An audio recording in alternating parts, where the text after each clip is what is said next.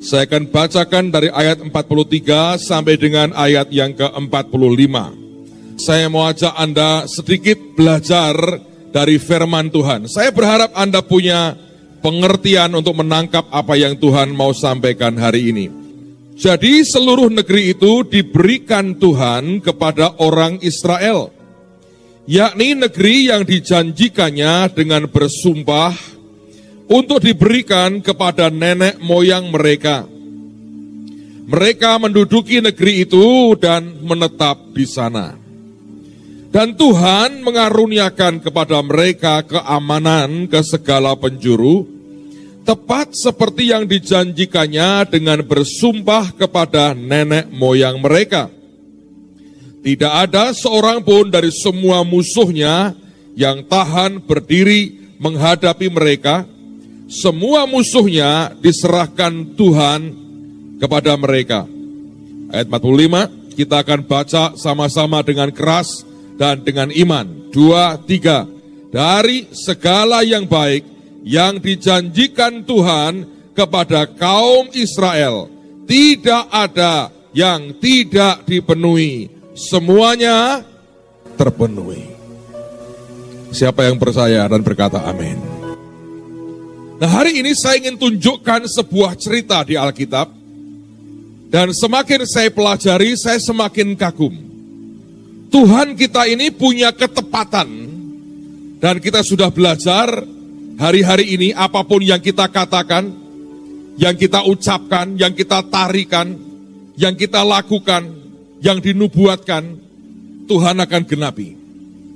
Tapi saya tunjukkan kepada saudara sebuah sisi lain yang mungkin jarang dapat perhatian kita ketika kita membacakan cerita soal kelahiran Tuhan. Karena Alkitab mengatakan bahwa Yesus itu merupakan pattern. Dia itu pola. Sehingga apa pun yang berlaku dalam hidupnya, itu pola Tuhan juga buat kita. Nah, saya mau tunjukkan kepada saudara beberapa hal yang membuat ketika saya baca ini, saya bilang Tuhan memang engkau ini mencengangkan. Betul bahwa apa pun yang engkau rencanakan dan janjikan itu, dia punya kesanggupan dan kemauan dan kehendaknya adalah mengerjakannya, memberikannya dalam ketepatan yang luar biasa. Sekarang mari kita lihat firman Tuhan, kita kembali ke perjanjian baru, kita lihat Lukas pasal yang kedua. Dan biasanya ini dibacakan pada waktu kita ibadah Natal. Tapi tidak ada aturan bahwa di luar hari Natal tidak boleh membacanya, jadi saya akan bacakan buat semua kita.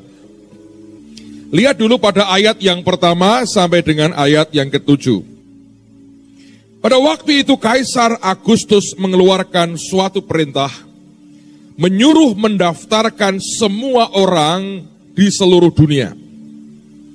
Inilah pendaftaran yang pertama kali diadakan sewaktu Kirenius menjadi wali negeri di Syria. Maka pergilah semua orang mendaftarkan diri, masing-masing di kotanya sendiri. Demikian juga Yusuf pergi dari kota Nazaret di Galilea ke Yudea, ke kota Daud yang bernama Bethlehem. Karena ia berasal dari keluarga dan keturunan Daud supaya didaftarkan bersama-sama dengan Maria tunangannya yang sedang mengandung. Ketika mereka di situ, tibalah waktunya bagi Maria untuk bersalin. Dan ia melahirkan seorang anak laki-laki, anaknya yang sulung, lalu dibungkusnya dengan lampin dan dibaringkannya di dalam palungan. Karena tidak ada tempat bagi mereka di rumah penginapan. Kita stop dulu saudara. Saya melihat Tuhan itu ya, segala yang dia kerjakan itu ada hitungannya. Nah Anda mesti menghitung seperti cara Tuhan menghitung. Mengapa Tuhan itu lahirnya di Bethlehem? Secara manusia memang sebetulnya itu terjadi karena sebuah perintah kaisar. Itu bukan karena begini, maka Yusuf kangen dengan orang tuanya, maka dia mudik ke Bethlehem dan kebetulan sudah waktunya melahirkan karena Maria dikentrok-kentrok naik keledai sehingga bayinya cepat turun. dan langsung pembukaan 3, 4, 5 dan kemudian lahirlah dia, itulah Natal. Enggak.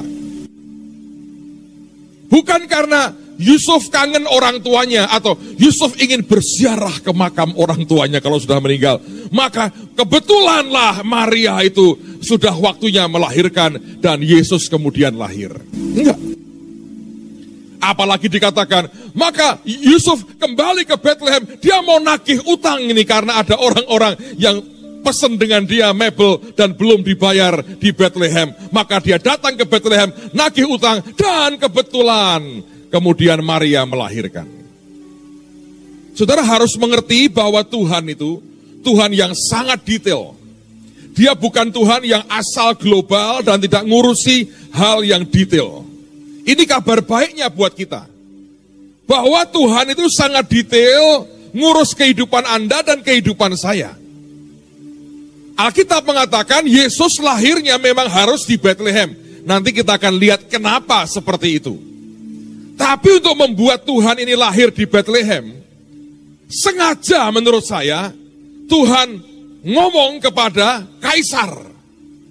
Walaupun kaisar tidak merasa Tuhan ngomong, tapi keluarlah peraturan yang aneh. Dan ini peraturan yang mengerikan sekali. Karena dia kaisar, dia termasuk kaisar yang terbesar dalam kerajaan Roma. Dan di dalam zamannya, Roma itu punya namanya Pax Romana. Atau kerajaan Romawi Raya yang pada waktu itu sebetulnya kondisinya relatif paling damai di antara kaisar-kaisar yang lain. Nah kaisar ini berkata, semua orang harus kembali ke tempat kelahirannya dan didaftarkan di kota masing-masing. Bayangkan saudara, bahwa itu menyangkut akan kerajaan yang sangat luas, dengan begitu banyak bangsa dan negara, dan orang bermigran, berpindah dari daerah ke daerah lain sangat banyak, maka dengan aturan itu, seperti seluruh dunia diputar. Bayangkan ya, kalau tiba-tiba ini pemerintah kita berkata gini, semua kembali ke kampung halaman kelahiran masing-masing. Beberapa Anda tertawa, saya lahir di Semarang Pak. Tapi mungkin ada di antara Anda lahir di Sangir, di Talaut, di Manokwari. Ada yang lahir di Rusia, mabok nggak saudara? Maka Anda nyebar ke mana-mana, bingung kan? Tapi terjadi waktu itu. Dan ketika saya baca ini roh Tuhan berkata, untuk seorang raja lahir harus dari dekret seorang raja. Tuhan tidak mau sekedar kebetulan Yusuf nagih utang atau Yusuf kangen maminya, itu bukan cuma begitu. Dia berkata harus karena sebuah dekret raja. Dunia diputar kalau perlu. Dan Tuhan berkata begini, untuk saudara menggenapkan rencana Tuhan dalam hidupmu, kalau perlu dunia diputar buat saudara. Bayangin saudara, itu berapa ongkosnya, berapa repotnya. Dan Tuhan bukan Tuhan yang takut dengan kerepotan saudara. Diputar seluruh dunia. Kebayang nggak? Nah, kemudian ada peristiwa lain lagi. Aneh sekali, Alkitab berkata waktu sampai di sana tidak ada penginapan. Nah, jangan membayangkan seperti hotel. Banyak orang menggambarkan, oh hotelnya penuh, fully book. Kayak kemarin minggu lalu kita buat acara ini, banyak teman-teman luar kota ngeluh, Pak hotelnya penuh. Akhirnya saya kayak dipindang di rumah teman saya sekamar, isinya orang tujuh, orang delapan katanya. Nyodorin duit nih mau masuk hotel nggak ada. Lalu mereka berkata, buat hotel sendiri pak. Sena aja ngomongnya dipakai setahun sekali suruh buat hotel sendiri. Saya bilang salahnya nggak jauh-jauh hari. Ya ini mendadak pak, begini, begini, begini. Tapi mereka happy. Nah jangan berpikir bahwa Bethlehem ada Hilton Bethlehem. Kalau Anda ke Bethlehem sekarang ini ada hotelnya. Siapa yang waktu lalu tur Israel tidurnya di Bethlehem ya? Kamu ya Mel ya? Bethlehem ya? Jorok ya? Jadi kalau Anda ke Israel, jangan nginep di Hotel Bethlehem.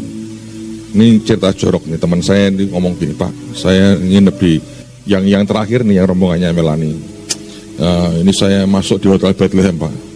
Saya masuk itu spraynya itu banyak rambut Pak. Waduh. Jadi kamu kerja apa? Saya bersihin rambut dulu Pak. Rambutnya siapa tuh? Kuda atau onta atau enggak tahu Pak. Rambut pokoknya Pak. Jijiknya luar biasa katanya. Nah, Bethlehem. Eh bukan seperti itu saudara. Cuma kalau Anda ke Bethlehem ada restoran masakan Cina paling enak di seluruh Israel itu paling enak. Tapi kalau Anda masuk Bethlehem karena dikuasai Palestina, Anda lewat perbatasan lagi, mengerikan. Well, dunia sedang berubah. Saudara sekalian, itu begini, saya mau cerita buat saudara ya. Jadi bukan hotel seperti yang kita pikirkan, itu bukan. Tapi orang-orang itu punya namanya kataluma. Kataluma itu begini. Rumah besar, rumah kecil, biasanya orang punya. Itu bentuknya kayak pos kamling gitu loh saudara. Jadi kalau orang dari luar kota mau bermalam, ada saudaranya, ya dia nginep situ. Dekatnya ada tempat minum dan sebagainya, tapi kayak pos kamling. Bukan hotel. Hampir di tiap rumah itu ada begitu. Nah kok bisanya penuh? Nah kita berkata mungkin pak, penduduk Bethlehem ini banyak yang migran pindah. Hari itu pulang kampung semua. Penuh kata lumanya. Tapi penuhnya itu menurut saya kesengajaan Tuhan. Nah, Yesus itu harus lahirnya di kandang. Dan kemudian dia harus di palungan. Kenapa bisa begitu? Saya mau ajak Anda teruskan dulu ayat berikutnya. Nanti kita lihat lagi ya, Anda akan lihat ketepatan Tuhan. Ayat yang ke-8. Di daerah itu ada gembala-gembala yang tinggal di padang menjaga kawanan ternak mereka pada waktu malam. Tiba-tiba berdirilah seorang malaikat Tuhan di dekat mereka dan kemuliaan Tuhan bersinar meliputi mereka dan mereka sangat ketakutan. Lalu kata malaikat itu kepada mereka, jangan takut, sebab sesungguhnya aku memberitakan kepadamu kesukaan besar untuk seluruh bangsa. Hari ini telah lahir bagimu juru selamat, yaitu Kristus Tuhan di kota Daud. Dan inilah tandanya bagimu, kamu akan menjumpai seorang bayi dibungkus dengan lampin dan terbaring di dalam palungan. Nah, kalau Anda baca, lompat ke ayat berikutnya, Alkitab mengatakan, segera mereka pergi ke sana dan menjumpainya. Pertanyaannya begini, ini palungan yang mana? Kandang yang mana? Kok bisa ini gembala-gembala ya dengar berita begitu langsung tepat. Kalau orang maju kan ada bintang. Ini nggak ada. Sekarang pertanyaannya, ini kandang yang mana? Lalu palungan yang mana? Tidak ada kita berkata, maka mereka mulai mencari dari kandang ke kandang untuk melihat apakah ada bayi di situ. Enggak tuh. Langsung mereka ke Bethlehem dan mereka menjumpai langsung ketemu. Saudara, Anda mesti ingat Tuhan itu Tuhan yang luar biasa. Nah, sekarang saya cerita dengan saudara. Kata palungan itu sebetulnya kalau Anda lihat dalam bahasa aslinya adalah palungan itu. Dia bukan hanya berkata di palungan, tapi palungan itu. Nah itu tuh spesifik. Kenapa? Sekarang saya cerita dengan saudara. Dan saya kagum dengan Tuhan. Dengerin baik-baik saudara. Di daerah Bethlehem, ada satu tempat namanya Migdal Eder. Nah, Migdal Eder ini adalah artinya menara kawanan domba, the tower of the flock. Di zaman Yesus, Migdal Eder ini sesuai dengan namanya, itu dipakai areal itu untuk pembiakan domba yang khusus akan dipakai sebagai korban di bait Allah. Nah, karena ini domba khusus yang dijaga betul kemurniannya, tidak ada cacatnya dan dipelihara sangat khusus. Karena nanti ini akan dikorbankan untuk Tuhan di bait Allah maka kandangnya pun sangat ekstra bersih. palungannya itu aneh. Itu bukan dari kayu yang kita biasa lihat di drama Natal. Itu kan palungannya Indonesia, saudaraku. Itu palungannya itu dari batu yang dipotong. Lalu kemudian ditaruh jerami itu untuk makan domba yang memang sebetulnya kelak akan dikorbankan untuk korban penebusan dosa di bait Allah. Nah di Migdal Eder itulah sebetulnya domba-domba khusus itu dipelihara. Jadi ketika malaikat berkata, di palungan itu mereka ngerti. Karena banyak palungan, tapi khusus yang tertentu itu mereka tahu. Itu tempat di mana domba-domba yang untuk korban bait Allah akan disembelih, dipelihara di situ. Sekarang kita mengerti mengapa Yesus harus lahir di Bethlehem dan mengapa harus di Palungan dan mengapa harus di Migdal Eder sebab dia adalah anak domba yang akan disembelih untuk menebus dosa kita. Mudeng nggak saudara? Gambarannya di perjanjian lama itu digenapkan Tuhan total, persis, tepat saya sampai heran, saya bilang Tuhan, kok bisa begini ya? Tuhan bilang, aku ini gak pernah meleset. Aku merencanakan semua dengan detail dan sangat presisi.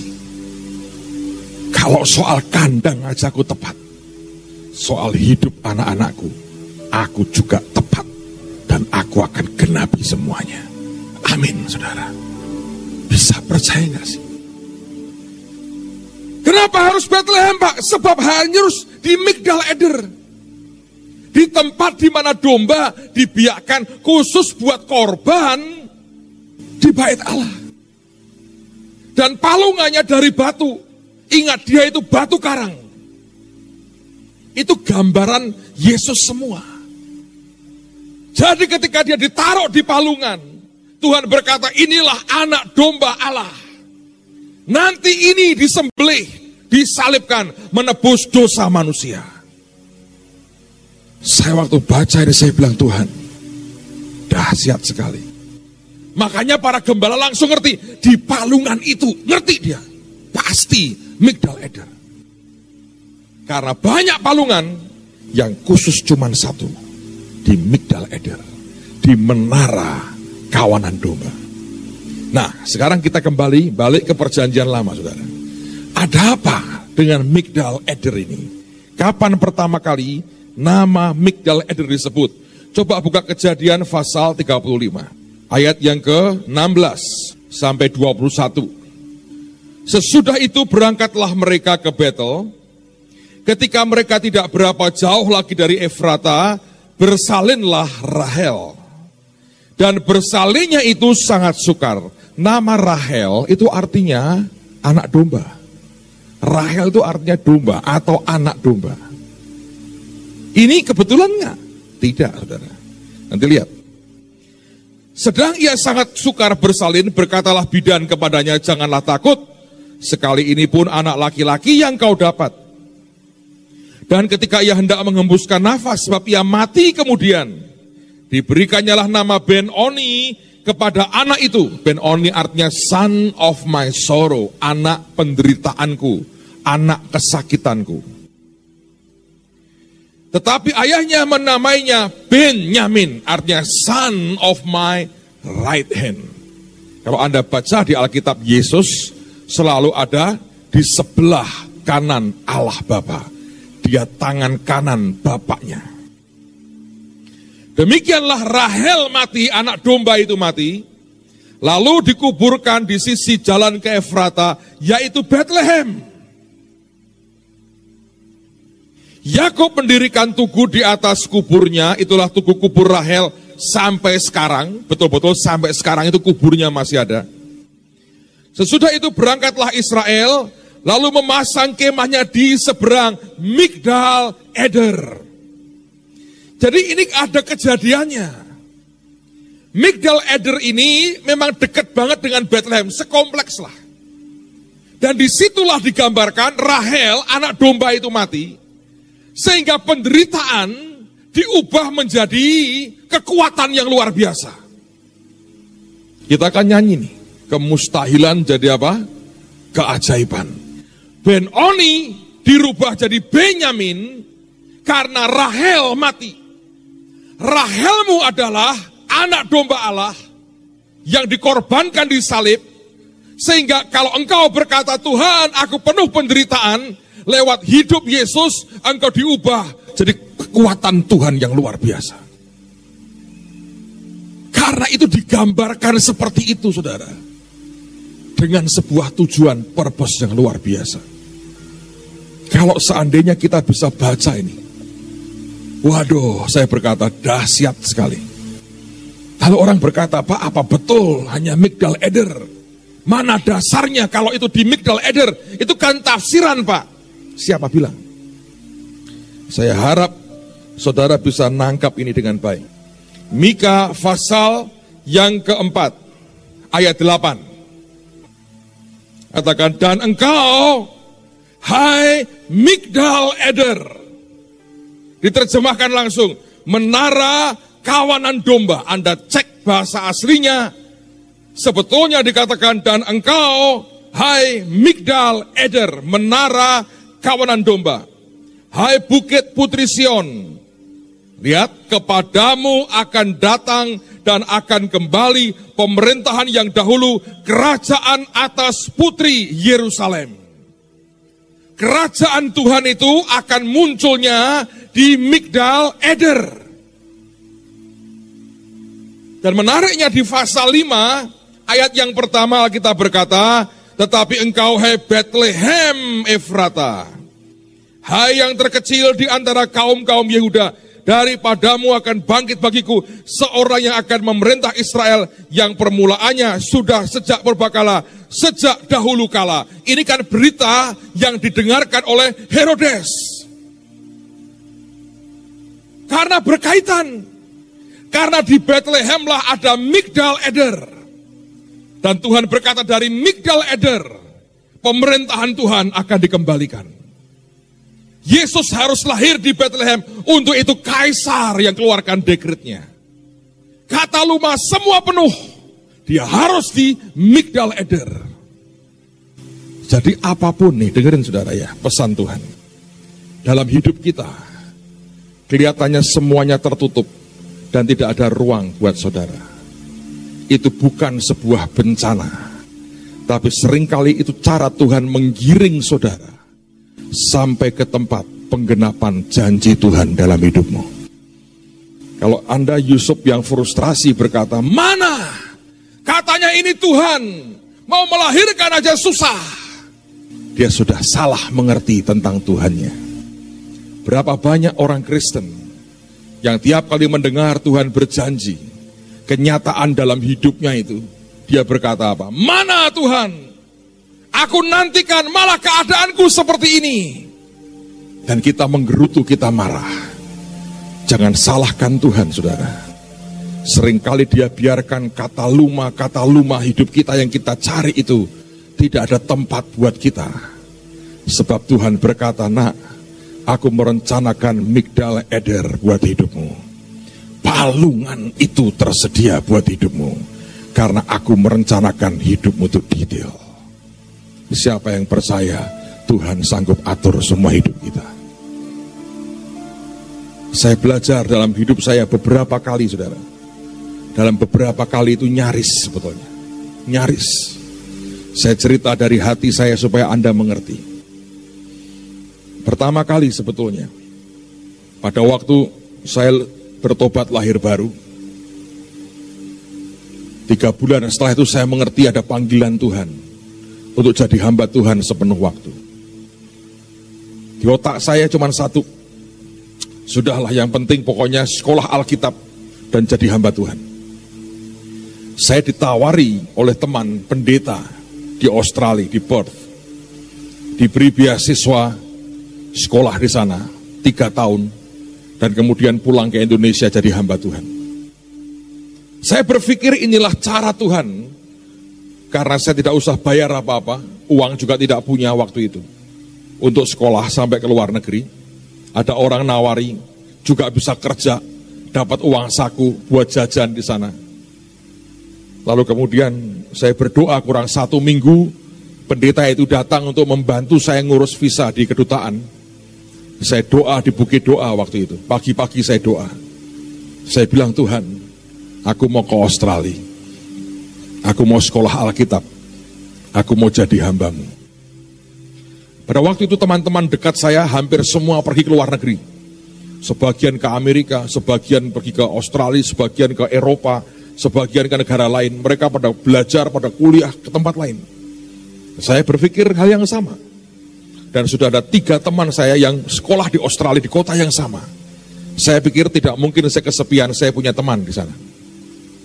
Saya pikir rencana Tuhan sempurna sekali. Pagi itu saya berdoa menghadap Tuhan. Dan Tuhan berkata, jangan tinggalkan kota ini. Saya kaget sekali. Sejujurnya saya kecewa sekali. Saya bilang, Tuhan, aku mau ke Australia. Aku mau jadi hambamu.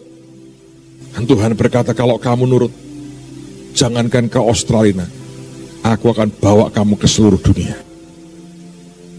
Buat saya seperti kata luma yang tertutup. Dan waktu itu, itu hari terakhir pendaftaran di perguruan tinggi negeri, saudara. Dan saya bilang, aku harus sekolah di mana? Saya memikirkan beberapa sekolah teologi di Indonesia. Tuhan berkata tidak. Ambil jurusan yang kamu suka saja. Saya dari saya pernah cerita dari kecil saya suka baca komik, cerita tentang sejarah saya suka sekali. Dan Tuhan berkata, ambil yang kamu paling suka. Saya pulang dari Taman Getsemani, hati saya kacau. Banyak teman sudah tahu saya akan ke Australia sekolah Alkitab. Hari itu Tuhan yang berkata, jangan tinggalkan kota ini. Saudara apa yang terjadi? Saya daftar di Undip, saya lihat jurusannya baru hari itu. Sambil sedikit frustrasi saya berkata gini, gue belajar sejarah aja lah, enak. Gak usah mikir, duduk, dapat dongeng yang bagus-bagus. Masuklah saya daftar, saya tidak nyabang yang lain. Saya bilang kalau ini Tuhan, engkau pasti tolong saya. Dalam anugerah Tuhan, saya kuliah di Undip sampai selesai.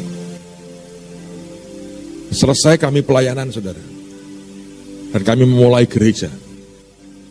Saya ini orang yang kenyang dengan yang namanya intrik, saudara. Dan sampai hari ini, itu yang paling saya tolak di roh saya. Saya kalau ketemu orang yang tulus, saya suka. Saya mulai kelihat orang intrik main di belakang. Roh saya bilang, enggak, saya gak mau. Karena sudah nek dengan yang begitu. Di awal kami mulai pelayanan, gereja itu isinya kayak begitu. Saya nggak ingin mendeskripsikan siapa pun, tapi itu spiritnya. Nek sekali saya. Nggak, nggak, kalau orang ya, nggak bisa lari dalam ketulusan. Main belakang, ngomong begini, ngomong gitu. Ngini, aduh. Ribut soal uang, ribut soal ini, ribut soal ini. Saya nggak tahan. Saya pikir Tuhan, untuk apa saya melayani Tuhan? Hati kok penuh dengan ke kejahatan begini. Lihat ini, ngomong ini, ini, ngomong ini. Sudah ini di belakang nelpon lagi, ngomong begini. Lama-lama enak betul. Hari itu saya sudah banyak keluar kota, saya khotbah, saya bilang, Tuhan aku nggak suka. Ini bukan habitatku. Aku suka orang-orang yang hatinya tulus dengan Tuhan. Beresin hatinya, bukan intrik-intrikan begini ngomongin belakang ini, ngomong ini, ngomong ini. Saya bilang, aku capek Tuhan. Aku yakin di surga gak ada begini. Dan semua intrik-intrik itu saya bilang itu, saya yakin itu setan lah, bukan Tuhan. Gak mungkin Tuhan begitu tuh gak mungkin. Karena kalau dengan Tuhan itu beresin hati, semua beres. Tapi kalau kita nggak pernah beresin hati, keluarnya begitu. Saya nggak tahan. Pernah saya tegur satu orang, saya bilang, bisa nggak sih ngomong di depan aja. Kalau ada yang tidak kamu suka, kita diskusi. Oh nggak bisa pak, saya orangnya begini. Saya suka di belakang. Waduh, tobatlah saya. Nggak tahan, betul nggak tahan. Sudah ngomongnya sudah ngaco-ngaco. Makanya saya bilang saya tuh saya tuh orang yang, makanya saya paling nggak demen tanya lah. Saya nggak demen rapat, nggak demen saya. Apalagi kalau sudah mulai orang mau, saya kalau ada orang pendeta cerita Pak di gereja saya ada intik begini-gini sudah kamu dengan Tuhan ya gue mabuk saya nggak Saya bilang, ya saya nggak suka tuh. Kayak nolak banget dalam saya. Karena hidupnya begitu, saya bersyukur. Jadi nggak ada potongan jadi ya, partai politik, saudara. Nggak ada. Capek saya. Ada orang yang sukanya begitu, saya heran. Tapi saya nggak bisa. Saya bilang, ayolah cari Tuhan. Oh Tuhan tuh suka ketulusan hati. Kalau main begini belakang, begini ngomong. Siksa saya bilang, yakin itu bukan Tuhan saya. Dan betul kami mengalami seperti itu bertahun-tahun saudara. Satu hari saya ngomong dengan Tuhan begini, Tuhan, lama-lama rusak hati kalau begini. Kalau hatiku ini rusak ya Tuhan, buat apa? Aku akan jadi hamba Tuhan yang banyak kepahitan, yang tidak pernah punya ketulusan, berpolitik sangat banyak, intriknya sangat banyak. Buat apa? Ada api asing di hatiku ini buat apa? Lalu saya bilang, sudahlah, aku mau nginjil aja. Saya akan serahkan, silahkan nih ambillah. Saya capek, saya mau khotbah, saya mau pelayanan, fokus ke Tuhan, lari ngejar Tuhan. Gak usah urusan yang lain-lain. Ambillah semua. Hati saya sebetulnya sudah memutuskan untuk seperti itu. Tapi lagi-lagi kata lumanya sudah penuh saudara. Saya masih ingat satu hari saya ke Cirebon. Saya bertemu dengan ayahnya Pak Yusak, sekarang beliau sudah almarhum. Waktu itu dia umur usianya kira-kira 70 tahun, saudara. Tinggi besar gitu. Lebih gede dari Pak Yusak. Mukanya itu jembar putih. Dan ini hamba Tuhan yang peka juga. Saya lagi ngobrol dengan dia, ngobrol. Sampai tengah malam saya ngobrol. Tiba-tiba dia ngomong begini. Dia bilang, aku kok lihat penglihatan ya. Loh, kapan ini sekarang ini? Ngobrol sama kamu ini, padahal saya nggak cerita itu. Loh. Saya itu, saya di luar juga nggak pernah cerita, aduh tempatku ini kok intrik-intrik begini, saya nggak.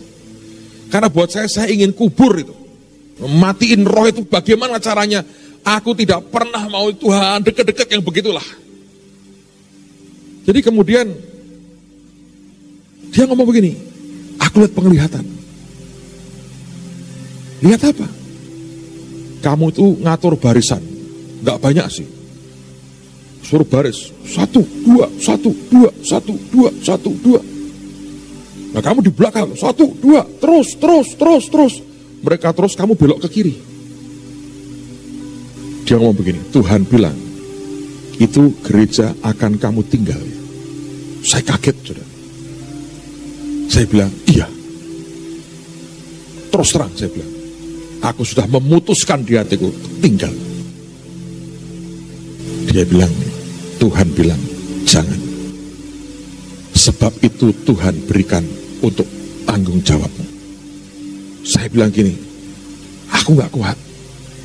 Dia bilang, bertahan. Nanti kamu lihat Tuhan akan bereskan semua. Sebab Tuhan ngerti hati. Saudara, saya kaget dan saya lemes. Saya pikir ini selesailah minggu ini. Saya serahkan semua, saya akan khotbah keliling, muter Indonesia, keliling dunia, saya nikmati hidup saya sendiri. Dan hidup dalam ketulusan dengan Tuhan. Capek. Dan hari itu dia berkata, jangan. Lagi-lagi dia berkata, itu tanggung jawab. Seringkali kata luma yang kita inginkan itu saudara, tertutup. Dan kemudian satu hari, ini aneh sekali. Saya ngobrol dengan beliau lagi. Dan dia ngomong dengan saya begini. Tuhan tanya, Tuhan tanya. Kalau satu hari kamu diberi gedung gereja besar sekali. Dengan jemaat yang banyak. Kamu mau tidak? Sebetulnya saya ini seperti Maria atau Abraham lah yang tertawa geli. Hari itu intriknya belum sembuh saudara. Wah tambah parah. Saya kalau cerita memalukan betul. Banyak hal yang memalukan. Tuhan malah ngomong begitu sambil tertawa. Tapi ya saya mencoba dengan sopan berkata, saya ini kan hamba, apapunlah yang Tuhan mau. Tapi nggak terlalu berharap banyak. Saya bilang gua bertahan ya. Nggak kurus dan mati berdiri aja. Di tengah-tengah atmosfer orang ribut intrik seperti ini. Sudah anugerah, saya berkata dalam hati. Kasih gereja gede, jemaatnya banyak. Dari mana saya bilang? Tapi saya bilang dengan dengan sopan, saya bilang aku ini hamba. Apa pun. Anehnya nggak lama, saudara. Dua minggu kemudian, di gereja ini ada tamu, hamba Tuhan. Beliau juga sudah almarhum, perempuan, seorang ibu. Itu nabiah betul, saudara. Dia khotbah di gereja, sekali-sekalinya tok dia khotbah, orang Bandung. Terus kemudian dia pulang mampir ke rumah saya di Permata ini. Dan dia berkata begini, Pak Petrus, Tuhan berkata, ini tempat, dia tunjuk tempat ibadah kami yang dulu itu, yang kami sewa, bukan tempatmu. Aku lihat tempat gede sekali. Nanti Tuhan berikan itu kepadamu. Dan saya yang kedua kali tidak berani tertawa, saudara. Karena dalam dua minggu, dua orang yang beda, tidak saling ngerti, ngomong yang sama. Bukankah hari ini kita melihat bagian dari penggenapan apa yang Tuhan beri? Setelah acara kemarin sudah nggak muat lagi. Dan orang-orang mulai berkata, Pak, kok sudah kecil ya holy? Bukan holinya tambah kecil. Mata kita melihat yang besar. Iman kita naik, saudara. Dan saya nggak mulai khawatir terus terang. Saya mulai khawatir. Saya mulai khawatir kalau Tuhan mulai berkata begini, bangun lagi itu saya khawatir. Sejujurnya kalau ditanya, saya nggak ingin lagi. Anda tahu tidak mudah, stresnya luar biasa. Tapi lagi-lagi kita ini hamba, biar jadi seperti apa yang Tuhan mau. Amin, saudara.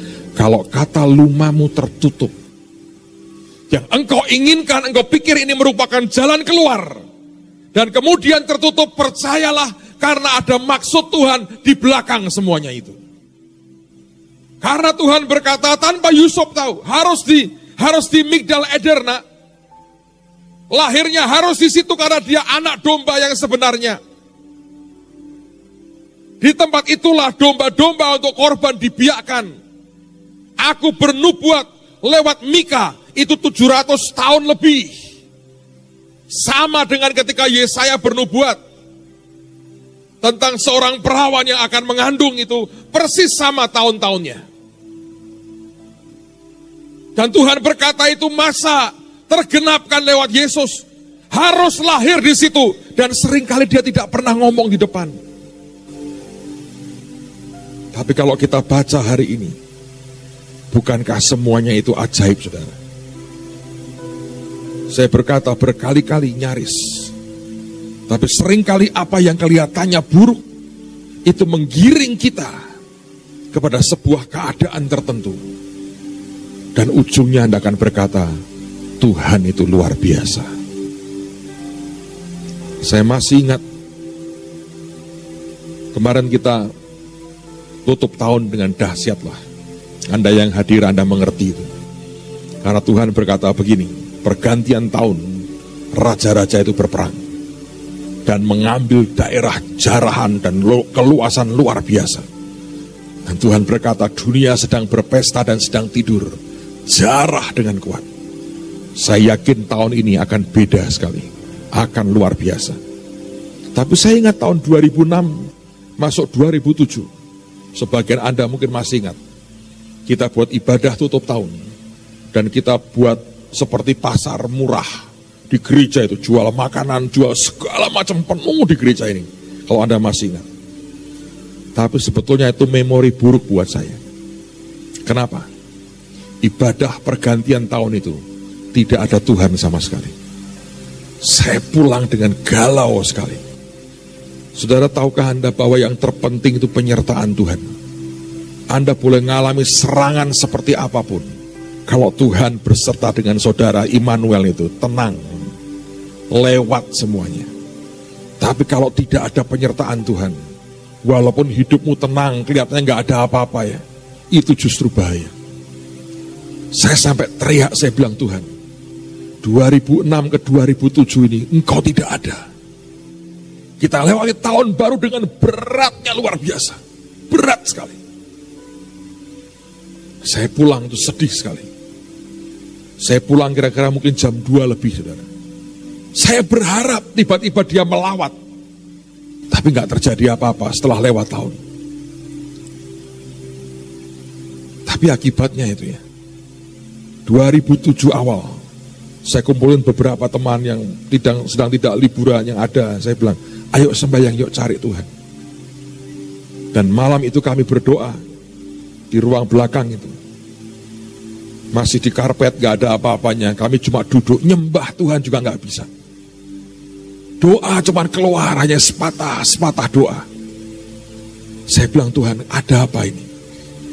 Apakah engkau sudah undur dari hidup kami? Kalau engkau undur habis, Holy belum jadi bahkan. Belum diresmikan, karena resmikan baru Juli 2007. Masuk 2007, keadaannya seperti ini. Beratnya luar biasa. Yang paling saya takuti adalah kalau Tuhan undur dari hidup kita. Dan hari itu hati saya kayak diaduk, saudara. Tapi justru ketika kami datang ke Tuhan hari itu, waktu sepertinya kata luma tertutup, dan yang kita inginkan Tuhan tidak beri hari itu. Aneh. Saya harap Anda masih ingat. Tanggal 1 Januari 2007 itu. Tuhan bicara begitu banyak. Dan dari situ kita mulai dengan yang namanya KKR Anak Raja. Setahun setengah. Kita bawa ribuan dan ribuan jiwa kenal dan datang kepada Yesus. Di situ kita mulai muncul bangun dapur umum, LBH, ada LPK, semua pelayanan rumah singgah, semua terjadi. Sebagian besar departemen yang ada pada kita hari ini lahirnya tanggal 1 Januari 2007. Hanya beberapa jam setelah hati ini kacau, takut ditinggal Tuhan. Dan Tuhan berkata dengan saya begini, aku pengen lihat hatimu. Engkau bahagia dengan orang banyak datang di acaramu dan sukses. Atau yang kau kejar adalah kehadiranku dalam hidupmu. Dan Tuhan berkata karena engkau mengingini aku, lebih dari semua yang lain dalam hidupmu. Karena engkau gentar kalau aku undur dari hidupmu. Tuhan berkata hari ini, aku memberkati hidupmu.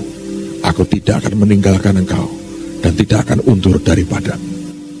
Kalau Anda ngerti cerita Daud yang berkata, jangan ambil rohmu yang kudus daripadaku. 2006 ke 2007 dulu saudara. Saya mengalami ketakutan yang luar biasa saya bersyukur ternyata itu sebuah ujian. Dan dia mau berkata, apakah hatimu mencari aku atau hatimu mengejar yang lain? Banyak orang tidak peduli dengan hadirat Tuhan. Banyak orang tidak peduli apakah Tuhan hadir menyertai kita, menyatakan dirinya atau tidak. Banyak orang melihat asal kita ngerjakan sesuatu dan orang berkata bagus kita bahagia sekali. Jangan pernah penilaian manusia jadi yang paling utama. Pada saat-saat tertentu, waktu engkau mencari Tuhan, pada saat penggenapan janjinya akan terjadi, sering kali kata luma, kata luma tertutup, dan tidak ada tempat buat kita. Tapi mari percaya, apa pun yang baik yang dia janjikan, firman berkata, semuanya tergenapi dan tidak ada yang tidak tergenapi. Tahun ini masuk dengan iman, tahun ini masuk dengan pengertian Tuhan, aku percaya semuanya tergenapi.